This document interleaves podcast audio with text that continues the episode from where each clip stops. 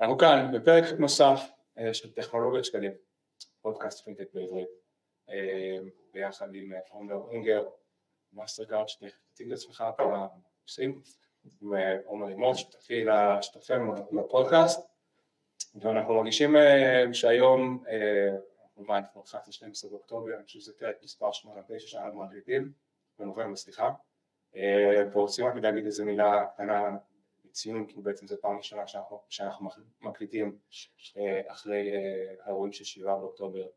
אה, אז קודם כל זה כאילו זה המאמץ הקטן שלנו לחזור לאיזושהי שגרה ולהמשיך לזוז קדימה, ואני רוצה באופן אישי להקדיש את הפרק הזה לכל חיילי המילואים. אולי חלק מהם אפילו מקשיבים נרדינג אאוט על פלינקדאין בזמן הזה, בדיוק עובדים בהרתעה באירוע, אבל חושבים עליכם ומודים על הכל. במקום הזה, שבואו נתחיל. בואו נתחיל. אז קודם כל באמת איתנו עומר ממאסטרקארד, שבאמת אחד מהדברים החשובים ככה להתחיל זה לשמוע טיפה מאסטרקארד, מה מאסטרקארד עושה, מה עושה בישראל, מה עושה בעולם, תפקיד של הלקוח, שפה רובן בדיוק. נשמח, אני גם כמובן מצטרף למה שאמרת, אני חושב שחלק ממה שאנחנו יכולים לעשות אה, כחברה רב-לאומית וכחלק מהאקוסיסטם של החדשנות והפינטק זה, זה לשמור את הכלכלה החזקה כי, כי בסוף זה חלק מהיתרון היחסי שלנו. אה, ואני גם מקדיש את זה לחיילי המילואים הפרטיים שלנו, מהצוות שלי, שלך, נכון, בן, בן שהוא אחראי על הפינטקים, ורן שמתעסק בקריפטו, ושישמרו על עצמם וישמרו עלינו. אה, קארד זה אמ, בעצם מגלמת בתוכה איזשהו אמ, משהו מעניין כי מצד אחד זה שם ולוגו שכל אחד מכיר ולא כי הוא ראה את זה בליגת האלופות רץ ככה מאחורה מצד שני אה, מעט מאוד אנשים אפילו בתוך התעשייה מבינים את התפקיד אמ, של payment scheme, נכון. אה, payment network ולכן אנחנו כבר רגילים אה, אה, להתחיל, וגם פה נתחיל בלהסביר קצת. רגע, אולי גם נשמע עליך קצת, ספר לנו, אנחנו, איך הגעת פה למאסטרקארד, כמה זמן אתה במאסטרקארד, מה אתה עושה פה במאסטרקארד? אז אני מנכ"ל מאסטרקארד בישראל, אה, אני עובד במאסטרקארד שמונה שנים כבר,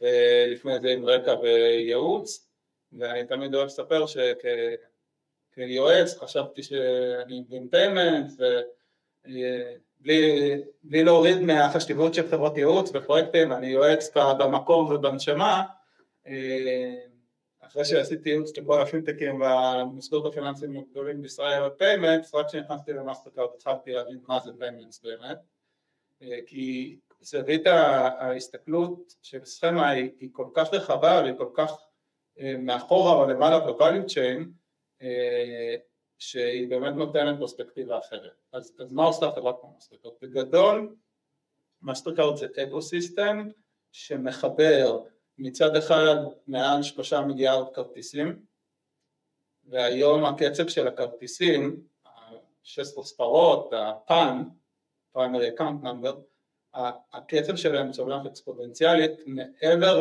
לקצב החלפת מזומן או חדירה באוכלוסייה בגלל הדיגיטיזציה והטוקנים, וגם כל כרטיס משכפל את עצמו להרבה דווייסים, אז, אז זה באמת צומח מאוד, ויש לנו שלושה מיליארד כרטיסים מצד תשלום מצד אחד, מצד שני יש מעל 120 מיליון בתי עסק שמקבלים מאסטרקארד, והדבר הזה, אה, אם נרים את המכסה מנוע נראה מאוד מסובך, אבל אם נסגור את המכסה מנוע נראה כמה הוא קל ופשוט ועובד ב-99.9% מהפעמים וכדי שזה יעבוד צריך מישהו שיתכלל את כל האירוע, אז בעצם מאסטרקארד, אנחנו תופסים את עצמנו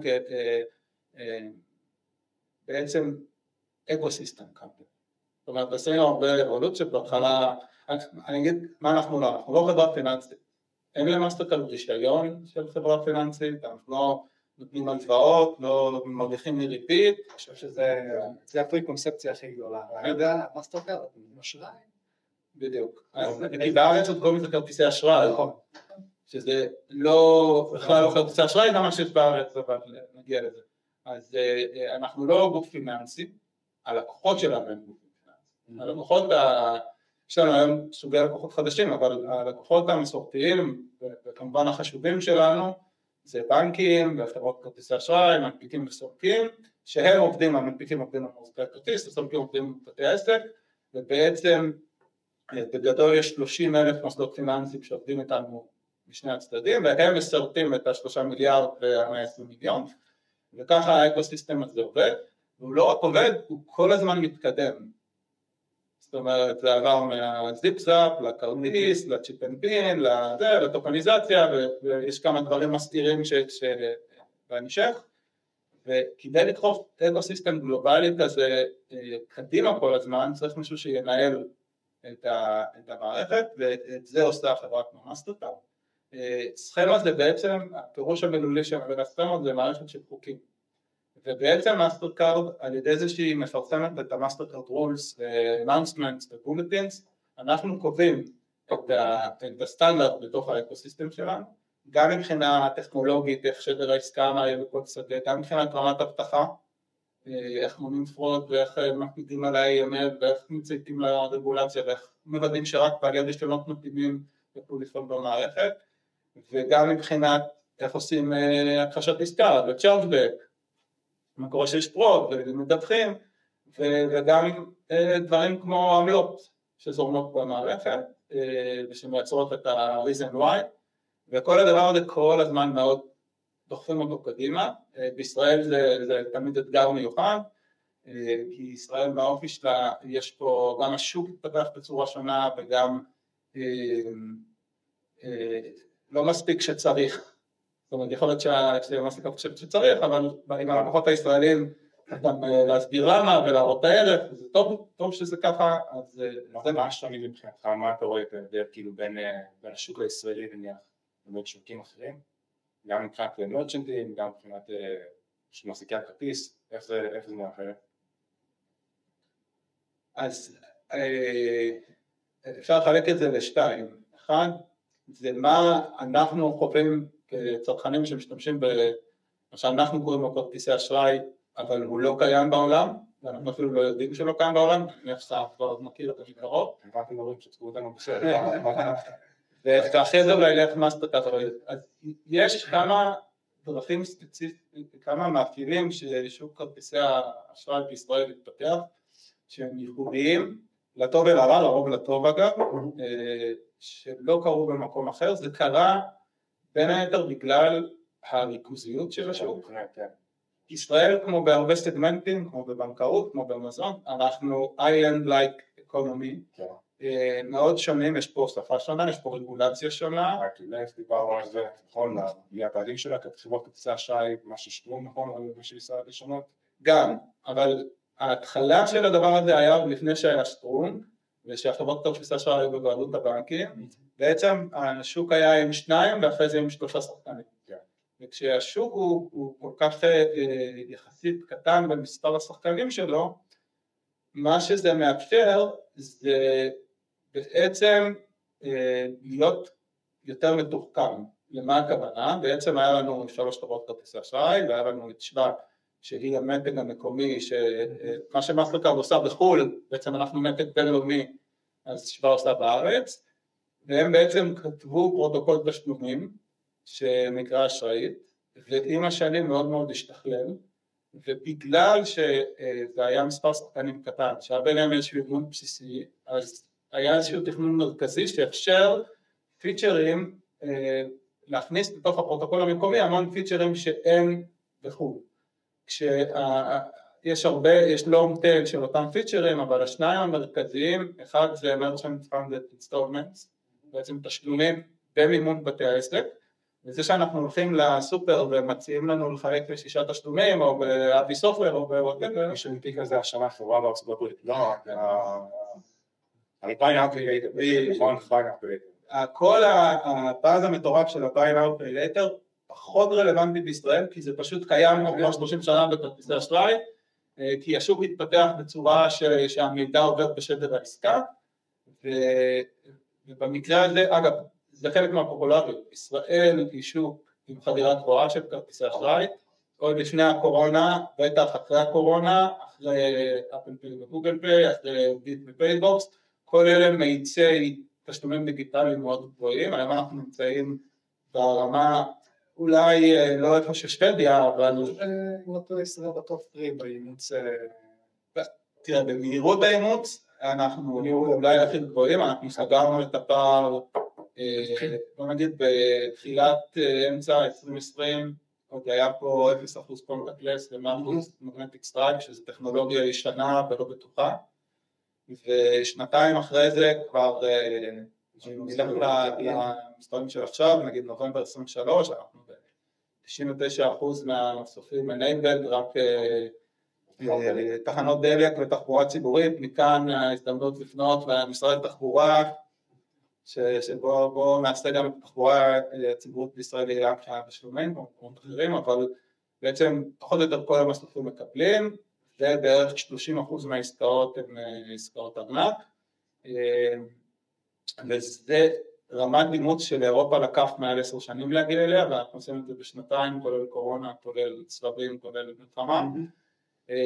אז בטח באימוץ, ברגע שיש משהו טוב, הישראלים הם early adapters, אבל בסופו של דבר אני חושב שגם אנחנו נהיה ברמות גבוהות, קצת מתחת לשוודיה זה בכלל מבחינת חדירה של עסקאות אלקטרונית ודיגיטליות, בשפה שלנו אלקטרוני זה הכרטיס פלסטיק ודיגיטלי זה ברגע שזה שטוקמן וטאפ, אז גם שם רוב ה... כאילו בממוצע אני חושב שמשהו כמו 20% מההוצאה הפרטית נשאר במזומן, אבל הממוצע הזה הוא מטעה, זה כמו שאפשר לקבוע בבריכה שהיא בממוצע חצי מטר, אז, אז גם פה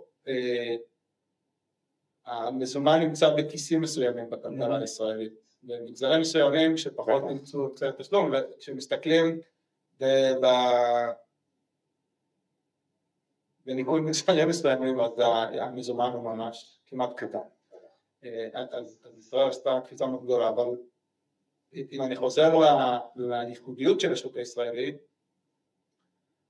תשלומים וגם יש פיצ'רים מסוימים של ממשק מועדונים זאת אומרת זה שאפשר בצורה יחסית מאוד קלה, מנפיק יכול עם בית עסק לסגור איזשהו promotion, זה גם לא כל כך קיים בעולם.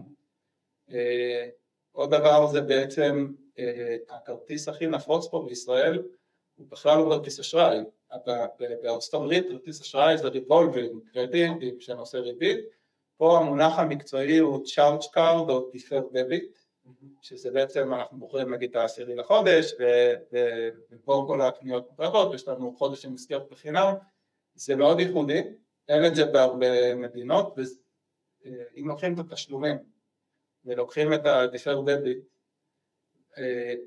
ואת המועדונים, מבינים למה כרטיס אשראי הפך להיות יחסית מהר אופציה פופולרית בישראל, זה גם נתן לישראלים לטוב ולרע, שיגידו שזו צרכנות אולי טיפה בעייתית, אבל בעצם לעשות בקניות על גבי המסגרת אשראי חינמית, עד שמגיעה המשכורת, מה שצריך לדחות בתשלומים, זה נתן פתרונות אשראי טובים, זה נתן שימושיות קלה, בגלל זה זה היה שוק יחסית עם חדירה גבוהה של כרטיסי אשראי, למשל אני אתן שני סגמנטים שזה לא טריוויאלי בעולם, בכל המדינות בעולם שמשתמשים בכרטיסי אשראי כמו בישראל, e-commerce אז בישראל e-commerce משלמים כרטיס אשראי, זה עובד, זה קל, זה בטוח, זה נוח, יהיו עוד שיפורים, אולי נדבר על זה בהמשך, אבל יש מקומות שבהם e-commerce אנשים עושים קשר דליברי או עושים איזשהם פתרונות אחרים.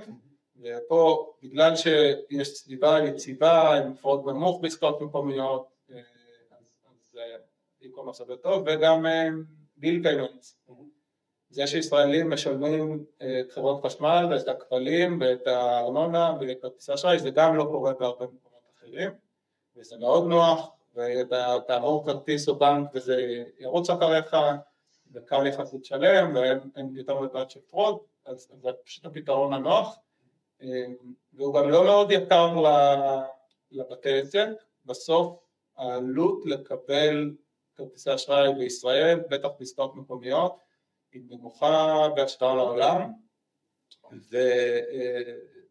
ובעיניי בעיני מאסטרקארד הוא נמוכה בהשוואה לאלטרנטיבה, האלטרנטיבה היא מה?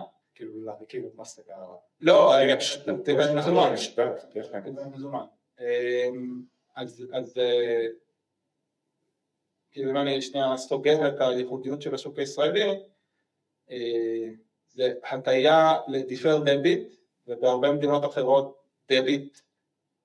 פה דביט זה מוצר נחות, אם אין לך היסטוריות אשראי, אם אין לך כסף, אם אתה צעיר, אתה חייל, אם עלית, תקבל debit, וכו' הרבה פעמים אם יש לך כסף אתה לא צריך הלוואה ולכן debit זה המוצר שלך.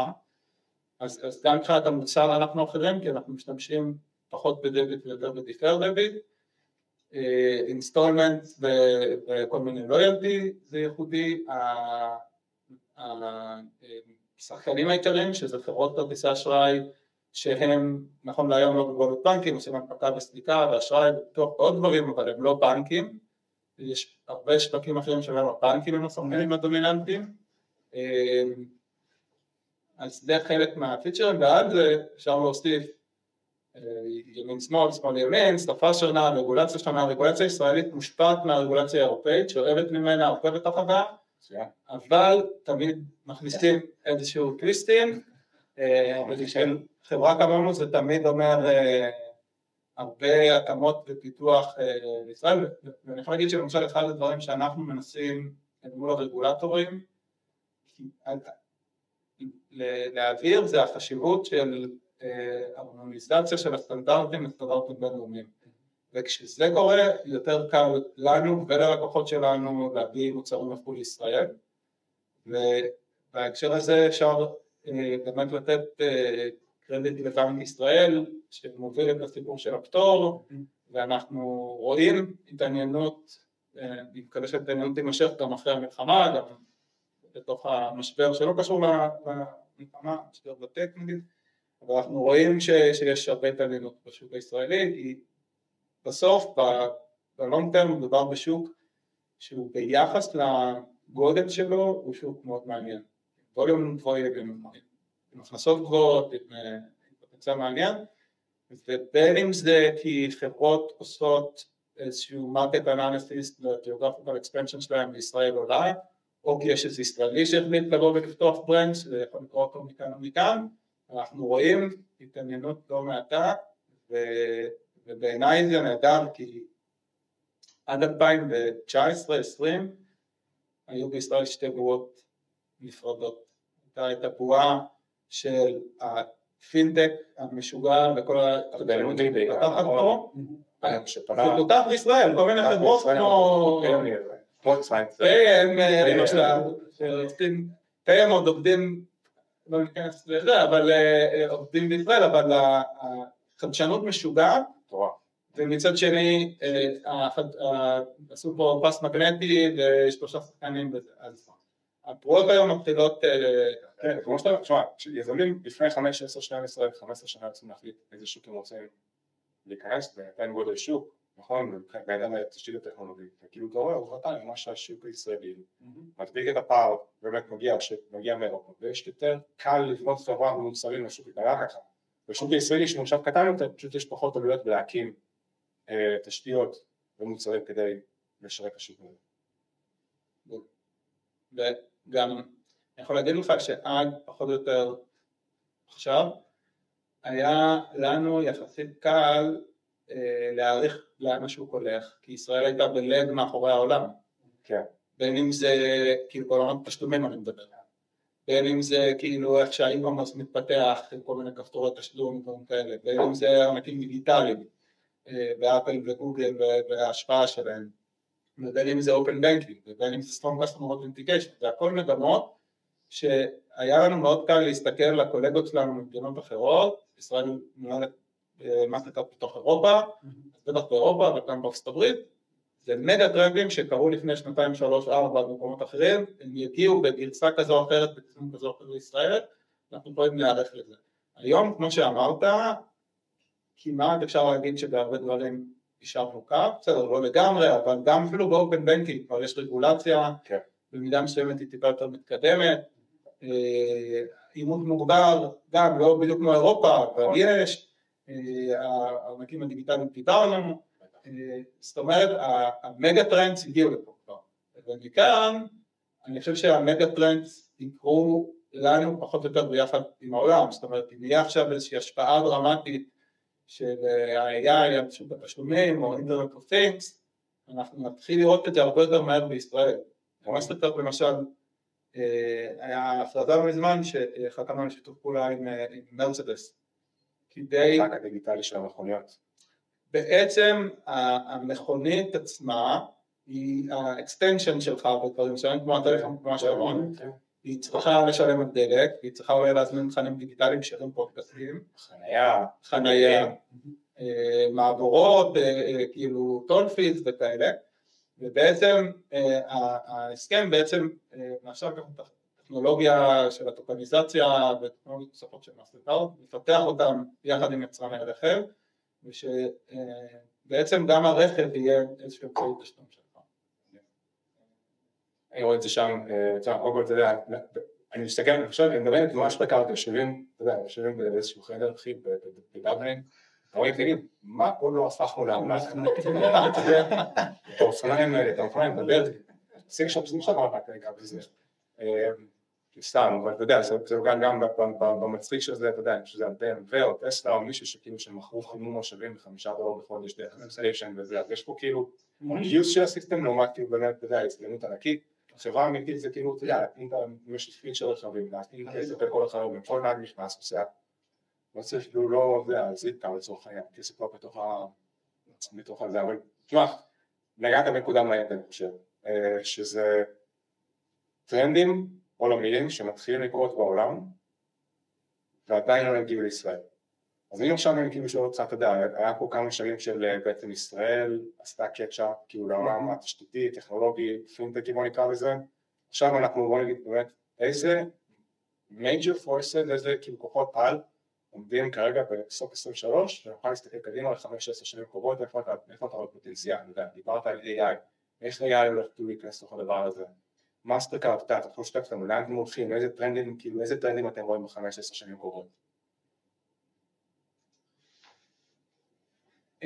אז, אז כמו שאמרתי זה כבר נהיה פחות קל לחזות את הטרנדים אה, ואיך הם השפיעו, אבל אם, אם ננסה לסמן בגדול כמה אזורים, אז קודם כל ב horizon הקרוב יותר, אה, הזכרתי את זה קצת קודם, אבל ישראל עוד לא נכנסה לזה עד הסוף, קודם כל כל העולם האלימות מוגבר, זה, זה דרמה שעוד רק התחלנו לגרד אותה, באירופה זו רגולציה אה, שקיבלה הכי הרבה הערות הציבור ever, אה, כי זה נוגע במשפך, זה נוגע כאילו הרי מה רוצה כל אה, merchant, הוא רוצה להוריד את ה friction, ופתאום האלימות מוגבר, אומר רגע חברים, כועס על, אתה יודע, כועס על איזה רגולציה חדשה, איזה verification, פוגע לו ב funnel, בטח. בדיוק. בדיוק, זה מה שקורה, כי, כי בסוף אם ניקח את זה לחוויה של הגט או של האובר, שזו החוויה שכולם שואפים אליה, הזמנתי מונית, נכנסתי למונית, יצאתי ממונית, אפילו לא שילמתי בצורה מודעת, מצד אחד זה ה grail הקדוש של, של תעשיית התשלומים, מצד שני ה fraud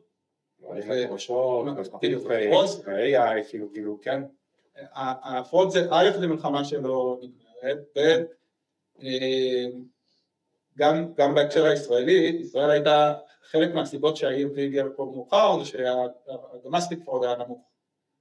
ו, אבל, אבל בסוף כשיש מדינה שהיא יחסית אה, אה, עשירה וכל שאר המקומות ב-EMV אז התחלנו לייבא fraud, ממש ראו אה, fraudsters שמגיעים לפה, בעיקר התלבשו על ATM ים, אבל כדי לסגור את זה זה היה ברור ש, שצריך להביא לפה את ה-EMV כי, ה fraud היא לא החוליה החלשה בשרשרת, תמיד בישראל מתוך זה שלא היה PIN, לא היה את ההגנות, לא היה PIN, לא היה את ההגנות, עכשיו יש כבר, אז זה EMV פה, אבל עדיין יש עוד הרבה אה, השקעה במניעת fraud ואימוץ של עוד טכנולוגיות, בעיקר, בעיקר אה, טכנולוגיות ביומטריות.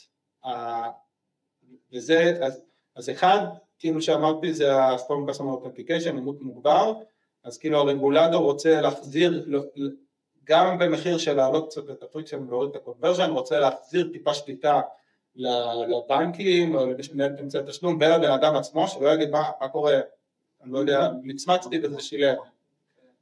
אה. גם אני לדאבלין. שמקשיבים, אתה יודע. אמ, ואת הדבר הזה ישראל אימצה חלקית הרגולציה ואני חושב שהיא לאורך הזמן תאמץ יותר ברגולציה הזאת וגם אם לא יהיה אימוץ מלא העובדה שה, ש, שישראל נפתחת לעולם ויש פה יותר מרשנטים גלובליים אז הם כבר רגילים לעבוד ככה. זאת אומרת אה, כאילו האלי אקספרסים והאמזונים והנקסטים של העולם הם, הם מוקדים בצורה גלובלית אז הם יתחילו לעבוד ככה אז ישפיע על המקומיים אז strong customer authentication נקבע, מצד שני הפתרון לזה, וזה עוד איזשהו טרנד, זה הביומטרי. כי הביומטרי זה, זה כרגע נראה sweet spot של אימות, אבל בלי הרבה friction. אנחנו בעצם עושים אימות ביומטרי 400 פעם ביום מול הטלפון, אז אפשר גם לעשות את זה באמצעי תשלום, ונגיד אחת הטכנולוגיות שיש לנו זה אימות התנהגותי ביומטרי פסיבי. שזה אומר לא פנים או אצבע שכבר נכנסים לתוך ה-Device, אלא איך אני מחזיק את ה-Device, איך אני לוחץ עליו, איך אני מקליד, כי בוטים מקלידים בצורה שאפשר לזהות אותה לעומת אנשים, איך אני פותר את ה captcha, איך אני זה, אז זה אה, כל הביומטרי זה עוד איזשהו משהו שלדעתי יתגבר, ובכלל כאילו fraud, כלים של fraud, בין אם זה, יש, אני רואה הרבה סטארט-אפים שמתעסקים בשיתוף מידע בצורה אנונימית, בין אם זה AI, זה השדה הקלאסי של AI ופה אנחנו גם שחקנים, AI עכשיו מתפוצץ, אבל שימושי AI לזיהוי pattern ים של, של fraud בכרטיסי אשראי זה בערך 15 שנה כבר, יש במאסטר קארד כמה מאות מהנדסי AI שזה מה שהם עושים, כאילו לפתח מודלים ומודלים ומודלים ועם כמות הדאטה שיש לנו אז, אז אה, המודלים כל הזמן משתפרים. אה, זה דבר שקורה ואולי גם ניתן פה איזשהו סתם להזכיר איזה אחד מהסטארט-אפים שעובד איתנו, יש לנו מעבדת חדשנות שנקראת פינסקלב שיושבת בבאר שבע והיא עובדת אה, עם רשות הסייבר, רשות החדשנות במשרד האוצר והיא בעצם המקום שבו יזמים בתחום הפינטק והסייבר רוצים לקבל או את התמיכה והליווי בעזרה של מאסטרקארד או מענק מרשות החדשנות והם בעולמות הפינטק והסייבר אז הם יכולים לבוא לפינסקלב היא בעצם המעבדה שאחראית אל מול רשות החדשנות על התחומים האלה יש שם סטארט-אפ אחד אה, מעניין שמפרדם לו נקרא פוגו ומה שהוא עושה הוא מנסה למנוע סטארט-אפים ולעזור לאי-קומרסים למנוע סטארט-אפים למנוע עוד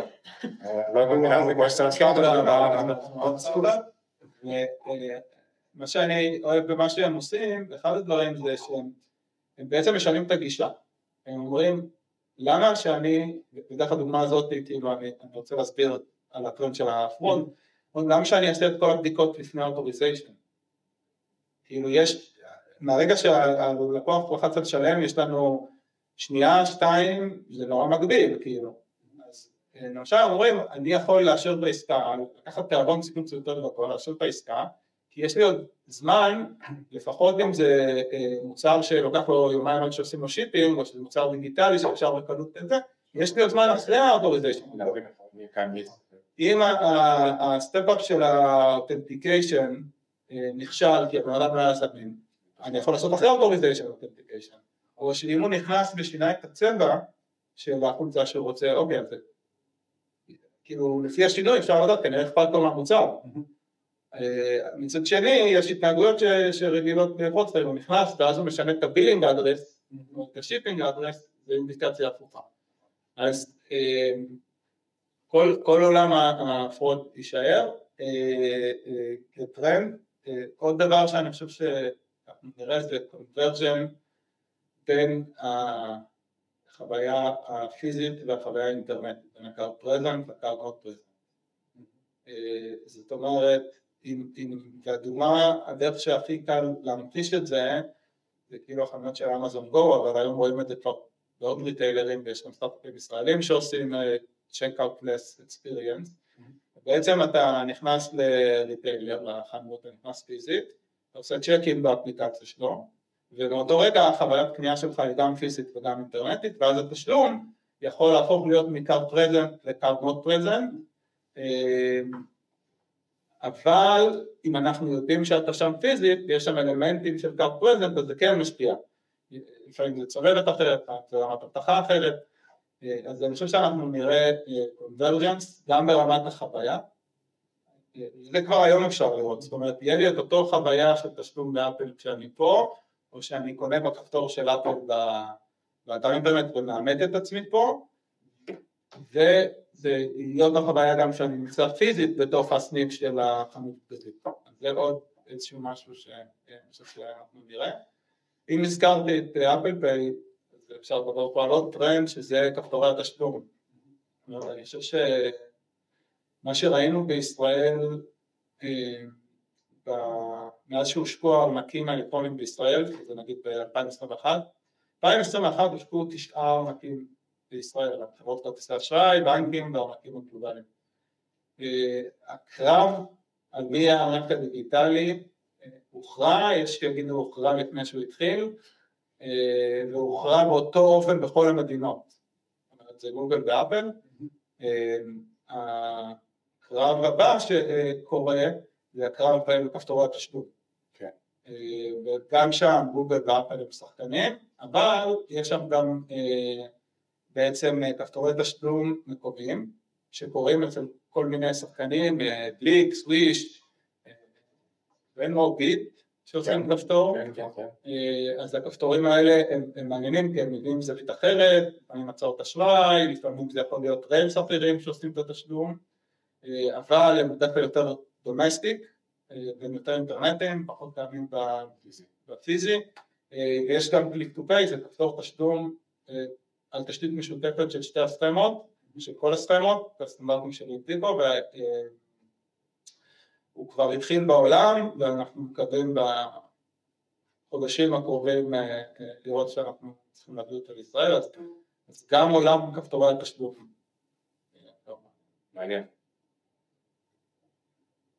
אני חושב שאחד מהדברים שנגענו בהם, אני חושב שאחד מהדברים שאנחנו באנו עליהם מראש, אני חושב שמאסטר קארד אה, היא שחקה מהדבר הזה של מאסטר קארד ב ecosystem, אני חושב שאחד מהדברים, אתה יודע, באופן האישי, שהרשימו אותי מאוד, זה פעם ראשונה שנחשפתי ל-API של מאסטר קארד. אה, אז אני חושב שמאסטר קארד בתור התחלה היא חברה טכנולוגית. שאולי שווה ככה להגיד מה מאסטר קארד מנגישה החוצה, כי תמיד outside going in זה נראה שאי אפשר בכלל להיכנס, אבל אני חושב שזה באמת שווה לדבר אולי טיפה על מאסטר קארד, ב-API, יודעים שזה מנגיש החוצה, ואולי תחשבו על innovation שאפשר לעשות מסביב לזה. כן. אה, קודם כל זה נכון ש...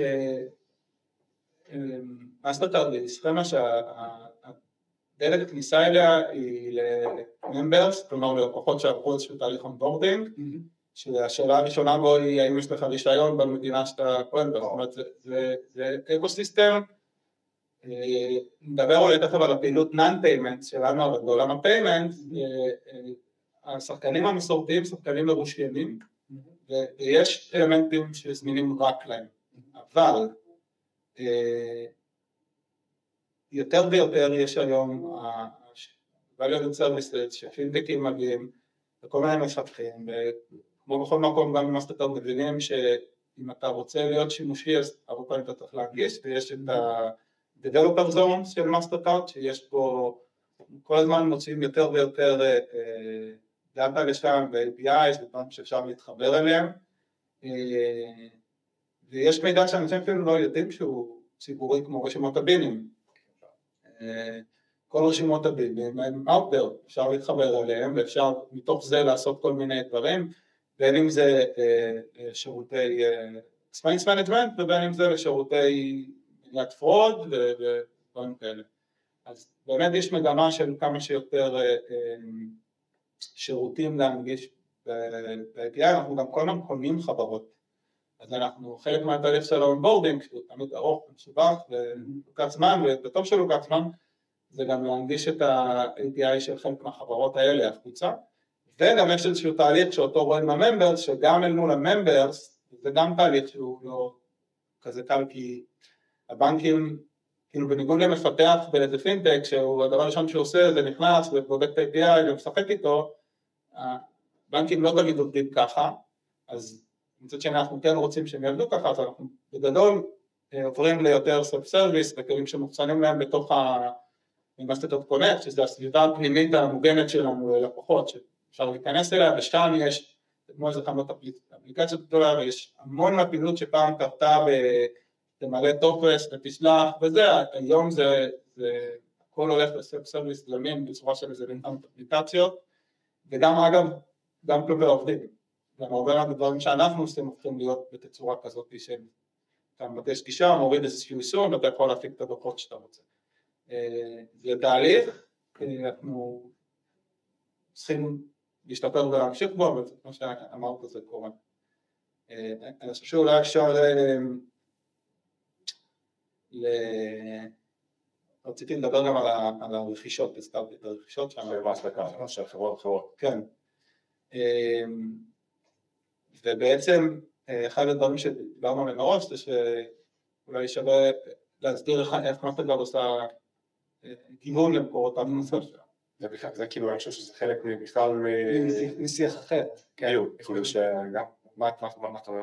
אני חושב שכאילו, יש שיח מתמיד היום בגידול הפינטק על המודל העסקי של ה interchange, אם אפשר לחשוב ממנו אם הוא scalable, היה בכלל בסביבת ריבית לא אפס, מה מצבו, ואז באמת אחד מהדברים המניבים זה כמובן הרכישות של מאסטרקארד, מה אתם עושים לעשות diversification להכנסות, כי זה כבר זה כבר לא, לא המצב. אבל מעניין אותי, מעניין אותי לשמוע מה הדעה, אתה יודע, על האמרה אפילו. שמודל ה interchange הוא לא scalable, אבל שהוא משתנה, לא? שהוא משתנה, משתנה, שהוא משתנה, מה שאנחנו מבינים, יכול להיות שיש pressure כזה או אחר, שהרגולטור מפעילים על חברות כרטיסי אשראי להוריד את העמלות הצולבות.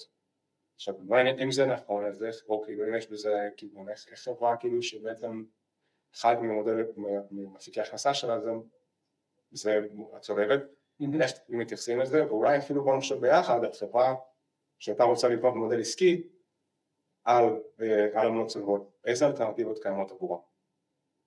איך אתה רואה did she display כן, אז, אז קודם כל הדבר שחשוב להדגיש זה שצולבת היא לא הכנסה של מאסטרקארד. צולבת היא אה, מנגנון להעביר ערך בין אה, הסולק למנפיק. מאסטרקארד, אם הצולבת עולה או יורדת, אנחנו לא... כאילו... אנחנו אה, מתכללים את זה, לא גורמים לזה לקרות, אבל אולי שווה שנייה להסביר רגע את קצת יותר את ה basic של הדבר הזה, אוקיי?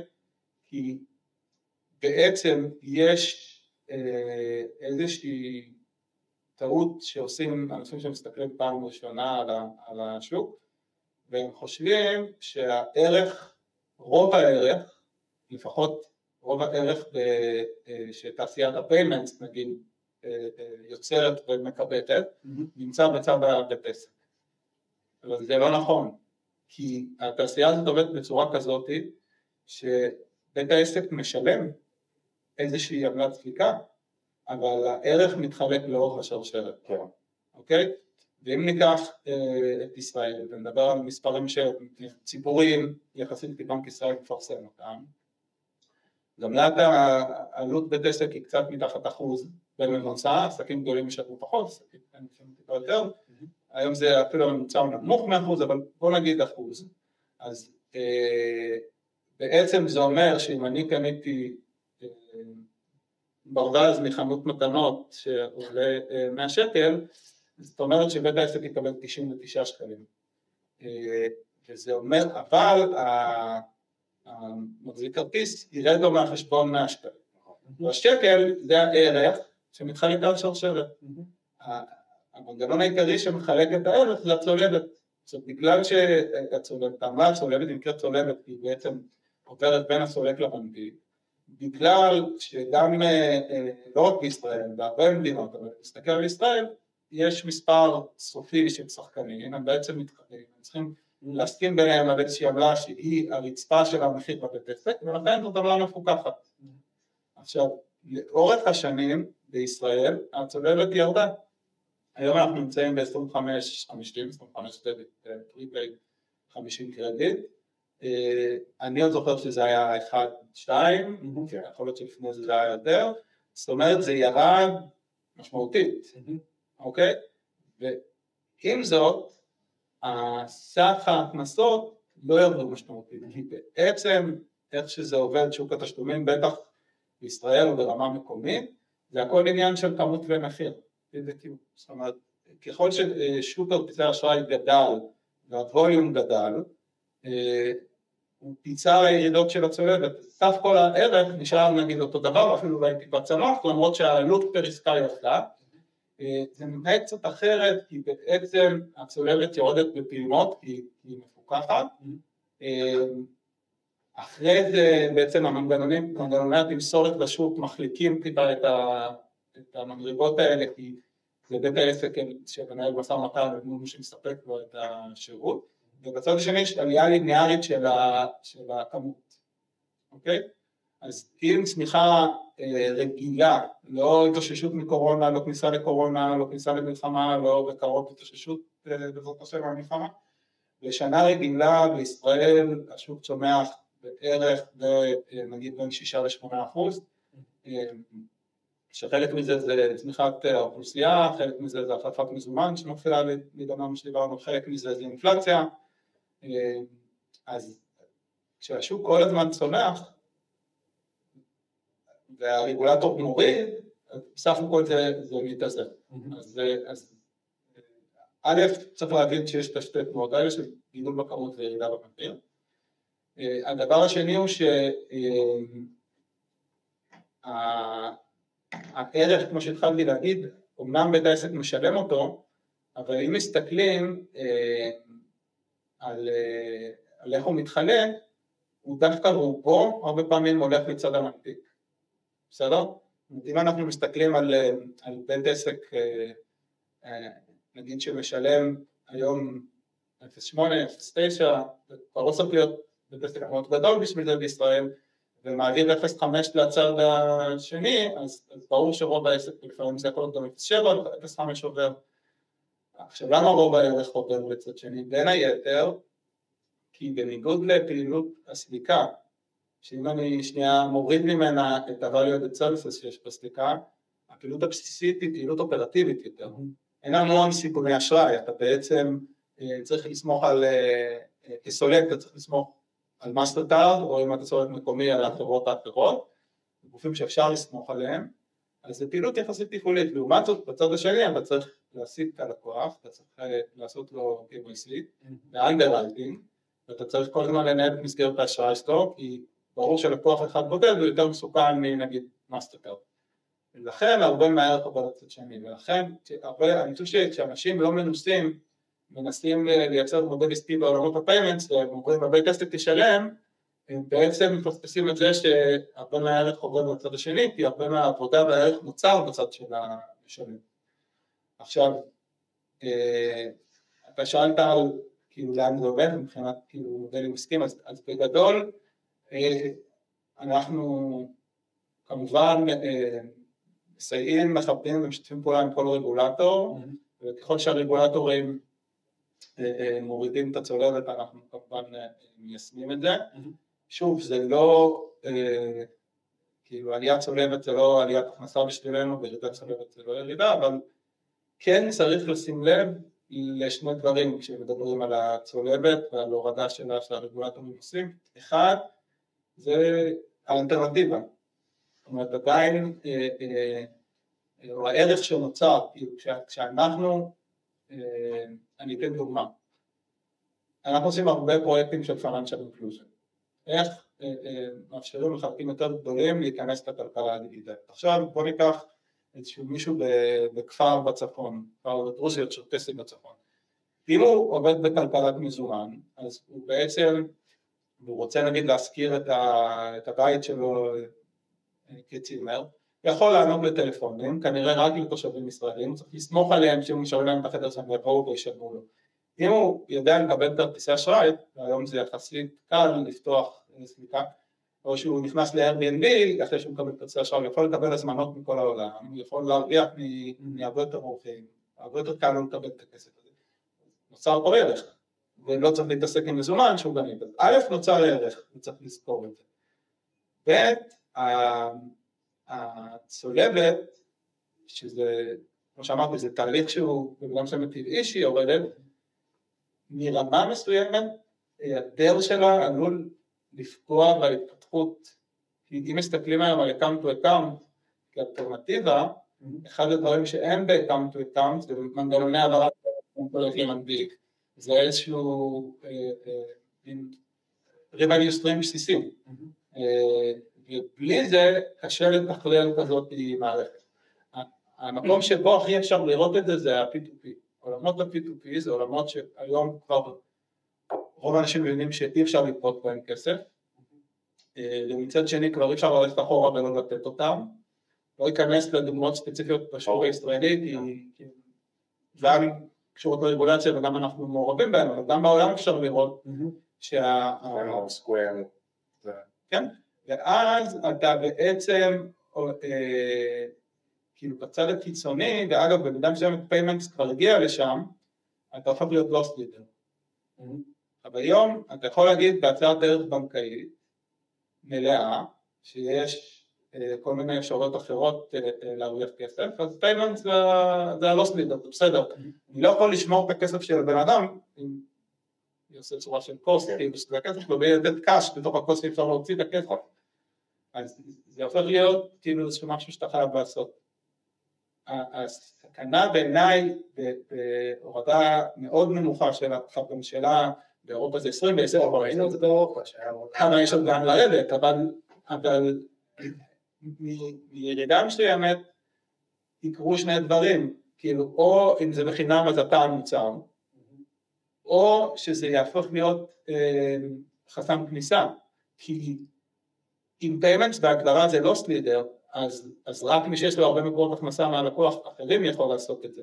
אז אולי פינטק יכול לבוא ולהיכנס כל עוד הוא לא מעוניין להרוויח, כי הוא, הוא יש לו הזרקות כאילו גיוסי הון, אז הוא מתחלק בצולבת עם הלקוחות שלו, אבל לאורך זמן אם אתה רוצה שזה יהיה sustainable, אם אין כסף ב payments לבד, אז הוא לא סלידר למי שיש פה משהו אחר, או שהלקוח הוא המוצר. שני הדברים לא לגמרי פתיעים, לכן צריך לקחת, לראות שהמגמה הזאת של ההורדה שהיא בגדול קיימת, שהיא לא... לא יודע אם טוב, אני חושב, תשמע, זה כאילו מאוד מעניין שולחת אותנו, שולחת אותנו את כל הדרך למחשבה, כאילו, מארגון הגדול ועד קדימה. עכשיו אם אנחנו תכף ככה כאילו לקראת סיכום ולקראת סיום, אתה רוצה להוסיף משהו, אתה רוצה לשאול, אז לא תן לנו מה הבשורה שאנחנו לוקחים איתנו, קדימה, גם אנחנו מאזינים, אולי יזמים, אולי אנשים שבונים, אולי אנשים שעובדים בעלי עסקים פה בארץ בתוך המאזינים שלנו, מה, מה, אנחנו, מה אתה נותן לנו לקחת קדימה? אני רוצה שני דברים להגיד, אחד, אנחנו רגילים שאנחנו צריכים, כמו שהתחלתי בהתחלה תמיד להסביר מה זה מאסטרקארד, אבל לאחרונה אנחנו גם צריכים להסביר מה זה מאסטרקארד ללקוחות הרגילים שלנו.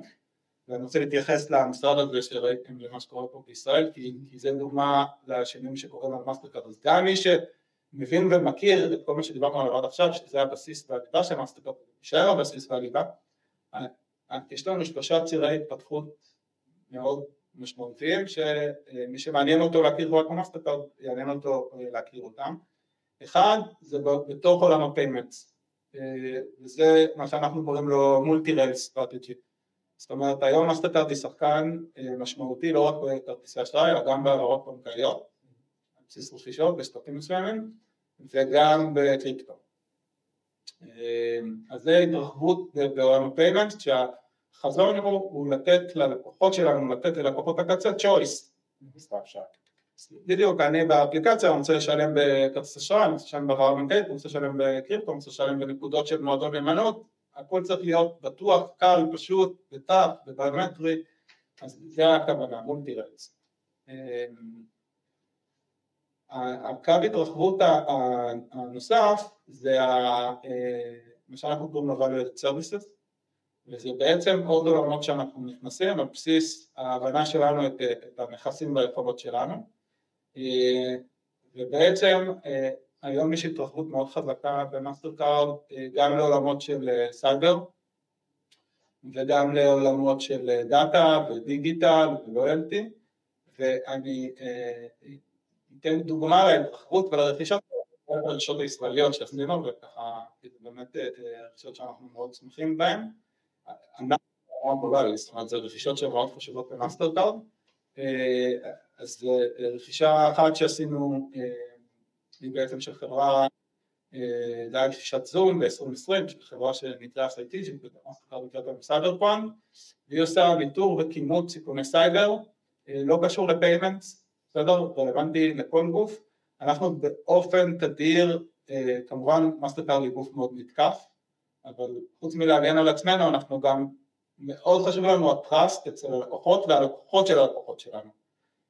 לדוגמה כשנפרץ שירביט שהוא לקוח של לקוח שלנו כי הוא משתמש בסולק וזה אז אחד הפרטים החשובים שנגנבים זה פרטי כרטיסי אשראי עכשיו מצד אחד אנשים משתמשים הרבה בכרטיסי אשראי כי בסוף זה נוח ובטוח באופן יחסי או אפילו לא באופן יחסי אין הרבה אלטרנטיבות יותר נוחות ובטוחות אם שלוש ארבע פעמים אתה תשמע שנפרצו מקומות ונעבדו פרטי כרטיסי אשראי והתקשרו אליך ויגידו לך בוא תיצור את הכרטיס אנחנו שולחים לך חדש או מתקנים את הדיגיטלית חדש אתה תאבד את הטראסט ופחות תשתמש ולכן אנחנו מנסים להגן על כל ה ecosystem. גם אם שירביט לא יודעים שאנחנו מנטרים אותם אנחנו מנטרים אותם לא מתכוון ישירות לשירביט כרגע אבל הרעיון הוא שאנחנו בעזרת כלי סייבר מסוימים סורקים כל הזמן ב ecosystem שלנו כי פגיעה ב ecosystem היא פגיעה ב trust היא פגיעה בנו. אז סייברקון הייתה כלי שעשה לנו הרבה שכל פנימה ועכשיו אנחנו גם מציעים אותו לבנקים ולגופים אחרים. וזה חברה הייתה יחסית קטנה מאז כוח האדם גדל, מספר משתמשים גדל והרכישה המשמעותית שעשינו בסוף 22 זו חברה דיינמיקי, חברה יחסית מפורסמת שנמכרה למקדונלדס ואנחנו קנינו למקדונלדס וזו חברה שמתעסקת בפרסונליזציה עוד mega trend אם דיברנו על טרנדים כולנו רגילים ל hyper פרסונליזציה מאמזון ומנטפליקס אבל עולם הבנקאות נמצא מאחורה והרעיון הוא לקחת את ה market leader בעולם הפרסונליזציה של Dynamic Yield ולהביא אותו לעולם הבנקאות אבל לא רק גם יש להם 400 לקוחות e-commerce הכי גדולים בעולם ואנחנו גם חושבים שאנחנו יודעים גם לתת עבורם שירותים. אז, אז זה דוגמה ויש עוד בשנים האחרונות בערך 20 רכישות ושתיים, שתיים חשובות ומוצלחות אבל רק שתיים מתוך 20 והציר התרחבות השלישי, זאת אומרת אם הראשון זה מולטי-רקס והשני זה להיכנס ל-Value Services הציר התרחבות השלישי זה בעצם עבודה מול סוגים חדשים של לקוחות. אז אם בעבר עבדנו מול גופים פיננסיים, היום יש לנו גם אנשים ומוצרים ופעילות שהיא מכוונת למגזר הציבורי, זה סגמנט נוסף, ל-Retail and Commerce זה סגמנט נוסף, ולפינטקים ו digital partners, אנחנו לא עובדים עם retailerים בעולמות ה payment, זה הסולק עושה, אבל בין אם זה Dynamic Yield, או מוצר סייבר, או מוצר loyalty, או מוצר דאטה, זה אנחנו, זה היום כבר פעילות שהיא הרבה יותר רחבה מ payments בתור אה, עובדים בתוך מאסטר קארד ואני גם מאוד אוהב את זה כי אנחנו כל הזמן צריכים ללמוד כאילו גם ה payments אתם שניכם באים מ payments אתם יודעים שזה תחום שכל הזמן משתנה כן. אבל במקביל ללימוד של ה payments צריך גם ללמוד כל התחומים החדשים שנכנסים אליהם. אז שאלת מה אני רוצה שידעו אחד זה שיכירו את ההתרחבות הזאת והדבר האחרון הוא, ספציפית בפינטקים, ליזמים. אמ, יש לנו איזושהי מנטרה ככה שאנחנו בבניין הזה בקומות שאנחנו רוצים להגדיל את מאסטרקארד בישראל ואת ישראל במאסטרקארד ומתוך זה כל יזם ישראלי אנחנו מאוד שמחים לעזור לו בין אם זה אה, מין התייעצות או שאלות כי בסוף הרבה מה, מה איך שהעולם הזה עובד נקבע על ידי הסכמות ואנחנו ככה יודעים להסביר את זה באופן אה, אני מקווה יחסית אה, פשוט. בין אם זה API, בין אם זה המעבדת חדשנות שעוזרת לגייס כסף, בין אם זה שיתופי פעולה עמוקים יותר שיכולים להבשיל, להפקות מלבד שתי הרכישות האלה יש לנו עוד שלוש ארבע השקעות בישראל שעשינו מנוריטי אינבסטמנטס אז אני מאוד אשמח על כל חברת פינטק וכל אחד מהשלבים שרוצה להתייעץ שתבוא, אנחנו תמיד נשמח לעזור גם אם זה אה, ככה לשתות קפה ולתת אה, עצה טובה. איך יוצרים איתך קשר? או איתכם קשר? מי יוצרים קשר? אה, בגדול האיש שלנו לדברים האלה זה בן שנמצא כרגע במילואים, אה, אני, אנחנו ניתן את המייל שלו ותשימו בתגובות באתר, אה, ואפשר אה, גם אה, אה, בפייסבוק, יש לנו פייסבוק והוא בעיקר, וזו גם הזדמנות להזכיר את, את מאסטר קרדיי, הוא בעיקר משרת את מאסטר קרדיי, מאסטר קרדיי זה פלטפורמת נאמנות שיש לא לסירוב בחודש המון הטבות, אה, רוב האנשים שמדברים איתנו על ההטבות שהם מקבלים באותו יום, אבל גם אפשר לנו שם כל דבר. מעולה, מעולה. טוב, עומר, תודה רבה שאירחת אותנו פה. מאוד מעניין. מאוד מעניין. ונסכם? כן, תודה, כן, תודה רבה. תודה, תודה לכם. תודה רבה. טוב, אני מקווה שזה הרחתי מדי. עשר, עשר. מאוד מעניין. היה מעולה לך